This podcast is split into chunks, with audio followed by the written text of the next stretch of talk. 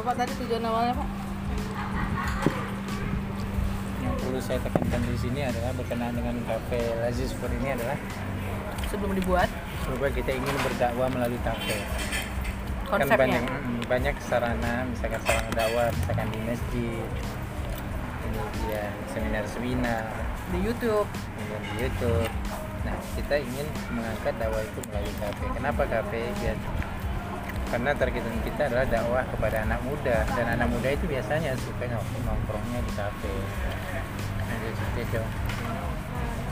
Adapun metode metodologi dakwahnya adalah melalui seminar-seminar seminar kecil ya. Kemudian diskusi-diskusi tentang apa? Tentang hal-hal yang esensial di dalam hidup. Ya tapi mungkin penyampaiannya sesuai dengan tingkat kepahaman peserta dalam hal ini adalah pengunjungnya. Tidak mungkin kita berbicara hal yang berat sementara pengunjungnya anak muda yang baru saja ingin mengenal Islam. Atau mungkin bahkan tidak mengenal Islam sama sekali. Seperti itu.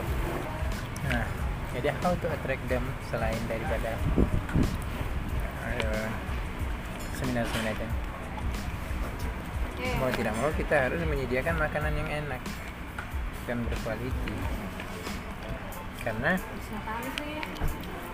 itu adalah sebagai umpan bisa dikatakan.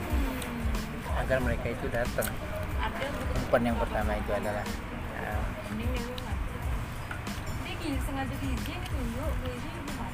kayak diskusi-diskusi. Umpan yang kedua adalah dengan dengan makanan. Diskusinya gratis. diskusi of course. Kita lihat juga. Kalau memang diperlukan dana ya berarti kita harus tarik dana tapi kalau tidak ya gratis. Seperti itu kalau misalkan kita mengundang orang-orang yang bakal dan rasanya nah kita berusaha lah untuk menggratiskan. Tapi kalau memang tiada pilihan lain ya maka kita akan memungut bayar. Tapi intinya dia bukanlah sebuah bisnis untuk eh, Mencari duit dari mencari seminar. duit dari seminar itu ya. Bagaimanapun kan orang datang kita undang pakai bensin. Mungkin waktu dia juga habis karena kita yang eh, meminta mereka berbicara. Nah, selain itu juga kita juga akan menyebarkan tulisan-tulisan ringan tata cara sholat tentang akhlak. Brosur-brosur lah kira-kira. Di meja-meja. di meja-meja Oke. Nah, pun kalau kita melihat nanti ada terkesan tidak islami, misalkan ada pasangan yang datang ke sana, kemudian mereka duduk rapat, tak mungkin kita usir. Alhamdulillah mereka mau datang, mau mendengarkan. Atau kalau bukan kita yang buka seperti itu, mereka juga akan makan di tempat lain, yang itu tidak ada nuansa religi. Good point. Karena apa? Orang akan berpikiran negatif. Loh ini kok bacanya ini, tapi kok Oke. Kan kalau kita lihat di kan baru sendiri, ini kan kayak kota dagang ya. hmm. Cuma setiap jalan tuh padat orang jualan, apalagi makanan. Hmm. Itu bagaimana optimisme Bapak untuk terus membuka kafe ini? Ya. So, dari awal saya katakan kita itu harus punya konsep. Konsep itu yang membuatkan kita itu berbeda dengan konsep yang lain. Konsep kita harus unik. Kan sesuatu itu menonjol karena ada uniqueness. Nah, di mana keuniqueness Lazis Food yaitu tadi bahwasanya kita ingin menjadikan kafe itu sebagai sarana untuk kalau bahasa religinya adalah dakwah tapi bagi kita adalah untuk menyampaikan sebuah kebenaran dengan berbagai tema nantinya. Apa itu? Dari politik psikologi Ekonomi. sosiologi ekonomi isu-isu kesehatan itu jadi intinya adalah memberikan wawasan kepada muslim khususnya dan kepada non muslim umumnya sebagai pengetahuan bagi mereka atau sebagai sarana untuk mencerdaskan mencerdaskan mereka. Nah, itulah yang membuat kita eh, uniknya dalam pandangan saya pribadi. Dan itu pertama. Yang kedua adalah kualitas makanannya mungkin akan ada yang bertanya kan itu menunya PMP di tempat A ada PMP tempat B ada PMP tempat C ada PMP ya silahkan dicoba.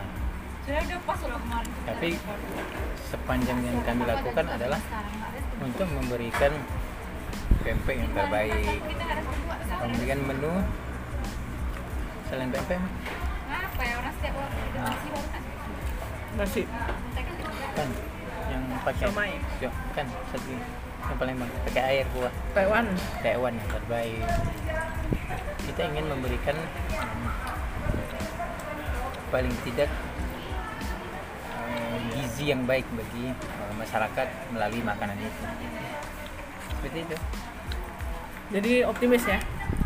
Eh, saya sedari awal memang sudah eh, optimis. Jadi agak janggal pertanyaannya jika ada yang mengatakan apakah saya optimis atau tidak optimis. Karena saya memang bermulai dari sebuah keoptimisan. Maka lahirlah sebuah konsep. Insya Allah terus marketing strategi? Ya. Marketing strategi itu kalau tradisional kan pertama memang kualitas makanan dan nanti orang akan merasa maka mereka akan menyampaikan mulut per- eh, dari mulut ke mulut. Itu seperti biasa itu namanya kalau bisa saya katakan sebagai manual strategi tapi kan di zaman sekarang ini di mana semua orang sudah bisa mengakses mendapatkan informasi tentang sesuatu hal itu dalam per menit bahkan informasi itu langsung didapatkan dari tangannya maka itu tidak ada sesuatu yang eh, sulit. Dan itu biayanya murah melalui sosial media. Kalau kita masang ya walaupun nanti juga ada yang semi manual misalkan melalui belehu ataupun melalui eh, plang dan lain-lain. Tapi semuanya akan kita optimalkan. Tester makanan. Tester makanan. Apakah target awalnya kampus target awalnya adalah eh, karena rencananya Lazis pun ini bukan di daerah kampus ya. Ya setidaknya untuk eh, lingkungan di sekitar dulu. Seperti itu. Nah nanti tapi memang karena ini adalah targetannya anak-anak muda maka bukan hanya daerah eh, kampus saja tapi juga melebar kepada orang-orang umum. Seperti itu. Oke terus apa lagi, Pak? sebelum saya mau berangkat landing launchingnya kapan pak launchingnya mudah-mudahan bulan 7 kita akan launching Insya Allah tapi kita akan survei dulu jadi sebelum launching kita akan survei dulu secara masif dengan cara memberikan eh, kun- Tester. tester atau kunjungan kepada. Orang-orang kerabat-kerabat terdekat dan ingin mengetahui respon mereka terhadap Produk. kualitas ataupun rasa daripada produk yang kami hasilkan seperti itu. Ini kenapa ini dilakukan? Karena ini untuk meningkatkan eh, rasa percaya diri dan untuk meningkatkan kualitas daripada makanan itu. Karena tidak semua makanan itu ready to eat. Apabila misalkan eh, secara mendadak dia itu di launching. oh, jadi eh, tes pasar dulu lah bahasanya ya, Ya, begitulah kira-kira. Jadi tes pasar. oke oke semoga sukses lancar berkah dan buka cabang di mana-mana Insya Allah pak ya Insya Allah. Terus apa lagi, Pak? itu aja sholat dulu aja pak Apa ada yang kurang clear lagi? kayak modalnya mau minjem ya pak ya Ya, kita sudah punya pengalaman bahwasanya modal itu memang tidak bisa dipisahkan dari sebuah eh, Bisnis. usaha ya ataupun bisnis. Eh, tapi kita juga tidak ingin berhenti melangkah karena tidak ada apa yang disebut modal secara pengertian umum, yaitu adanya uang yang cukup untuk menyediakan alat-alat, perlengkapan, bahan-bahan, lalu kemudian kita bergerak. Tapi selagi kita punya eh, upaya yang kita itu bisa melangkah walaupun kecil duluan, walaupun dengan dalam tanda kutip modal yang kecil, modal dalam pengertian umum, maka kita akan terus bergerak. iya modal yang kecil itu seperti apa pak ya set- er- eh, setidaknya kita sudah bisa menghasilkan misalkan eh, 50 biji pempek eh, untuk pertama kali launching misalkan Walaupun belum kafe ya. Eh, walaupun belum kafe Karena untuk kafe kan pasti modalnya gede dong, Pak. gede. Meja. Iya betul. Jadi memang kafe itu adalah konsep yang besar, konsep yang perlu perjalanan yang panjang, tapi harus dimulai dari hal yang kecil dulu. Gitu. Kecuali kalau misalnya Bapak mau meniru Ibu Matoa Cafe dan bertukang di rumah. Oh iya, Ya, sebenarnya ide itu eh, sudah terpikir eh, oleh saya, tapi bagaimanapun orang juga akan pasti menanyakan untuk membeli kayu kan juga perlu modal lah jadinya seperti itu. Tapi makanya ide-ide kreatif itu Advertising. Iya, advertising. Kayak LAN. ide-ide kreatif itu perlu kita asah bagi perkembangan eh, yang apa yang sudah kita mulai Oke. yang tadinya kecil mungkin dengan ide kreatif dia akan menjadi lebih besar Iya. Jadi ya mudah-mudahan lancar ya Pak ya. Insya Allah Baik launching kafenya dan juga launching tesis disertasinya. Eh, bagi saya tesis itu adalah sebuah kegiatan formal kegiatan formal yang mana nanti suatu ketika kita juga dihadapkan dengan orang-orang akademis sementara apa yang saya lakukan ini adalah sebuah praktikal non formal yang itu saya sendiri yang eh, mengaturnya apakah itu jadwalnya masalah keuangannya dan lain-lain.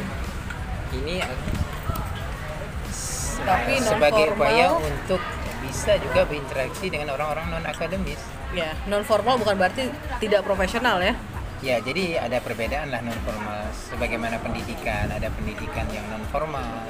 Dalam arti dia sekolah di luar jam sekolah sebagaimana yang formal, tapi dia tidak uh, berarti uh, less quality. Dia tidak bermaksud untuk itu. Apa yang sebagaimana dipahami oleh orang ramai. Maksudnya kalau non formal itu ala kadarnya. Justru kita dari non formal ini untuk memaksimalkan sebuah ide-ide besar itu yang tidak diceritakan di dalam sebuah eh, formal.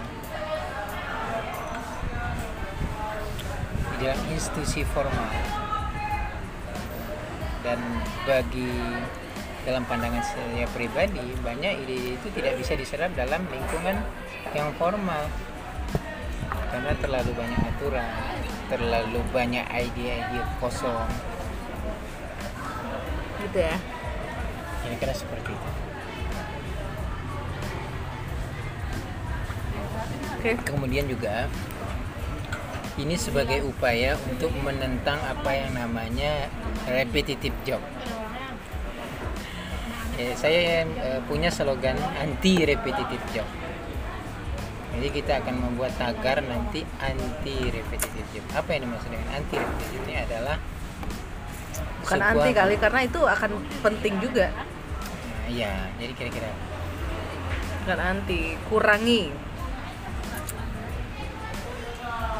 Iya, mungkin ketika kita bicara masalah anti kan ada yang anti ada yang tidak. Karena saat kita memproduksi pempek itu kan repetitive job. Isn't it? Eh, Iya betul, tapi nanti kan kita kan konsepnya bukan dia itu sebagai contoh ketika dia masak merebus merebus terus. Kita akan rolling dia dan dia akan menjadi skill dan ini adalah maksud kami ke depan menjadikan karyawan itu sebagai orang yang jadi calon pengusaha. Bukan dia sebagai bukan sebagai kuli yang tidak punya skill setelah keluar daripada tempat kami. Dan kami sungguh akan bahagia jika mereka nanti suatu saat bisa menjadi bagian daripada cabang usaha kami. Seperti itu. Jadi eh, tuan jangan menganggap ataupun ence Ence, Bukan. I'm a woman, oke. kayak apa? Eh, apa? Tuan. ya jadi eh, dalam pandangan saya ya puan bahwasanya karyawan itu bukan orang yang hanya dikuras tenaganya. Orang yang hanya dieksploit eksploitasi eh, tenaga pikiran skill eh, pendeknya maksudnya skill pendeknya skill yang Ada skill pendek, ada skill panjang. skill yang sedikit misalkan tukang sapu-sapu aja tidak. Tapi nanti saya berharap bahkan tukang sapu pun bisa membuat PMP bahkan dia tahu dengan eh, proses pembuatan. Nggak takut ini pak. Jadi saingan. Contoh lah karyawan berkhianat dan bisa buat pempek dia buka kedai sendiri nggak takut tuh. Bagi saya itu sebenarnya tidak ada saingan. Karena saya memang bukan menciptakan saingan tapi saya menciptakan orang-orang yang akan eh, bisa berkreasi dan bisa menyebarkan eh, konsep bisa menyebarkan konsep dan dia bisa bekerja mandiri. Dan itu. Ya bagi saya setiap orang yang mampu bekerja mandiri mereka itu adalah teman saya. Walaupun dia itu karyawan. Jadi kalau misalkan kita bertetangga dengan sebuah restoran even dia adalah eh, sama konsep yang kita miliki tetapi selagi dia berusaha sendiri dia adalah my partner karena memang tujuan saya adalah untuk itu jadi nggak iri-irian gitu ya Oh tidak ada karena kalau kita kalau kita kembalikan kepada konsep religius pasti setiap orang itu sudah punya rezekinya masing-masing. Nah, tapi bahkan di dalam eh, kalau kata Anies Baswedan itu kan tidak ada sebuah permainan badminton jika tidak ada lawannya kan. Jadi dia nepuk sendiri itu kan nggak asyik. oke tak apa. Sholat lah dulu oke lebih continue. Mana bi kan lebih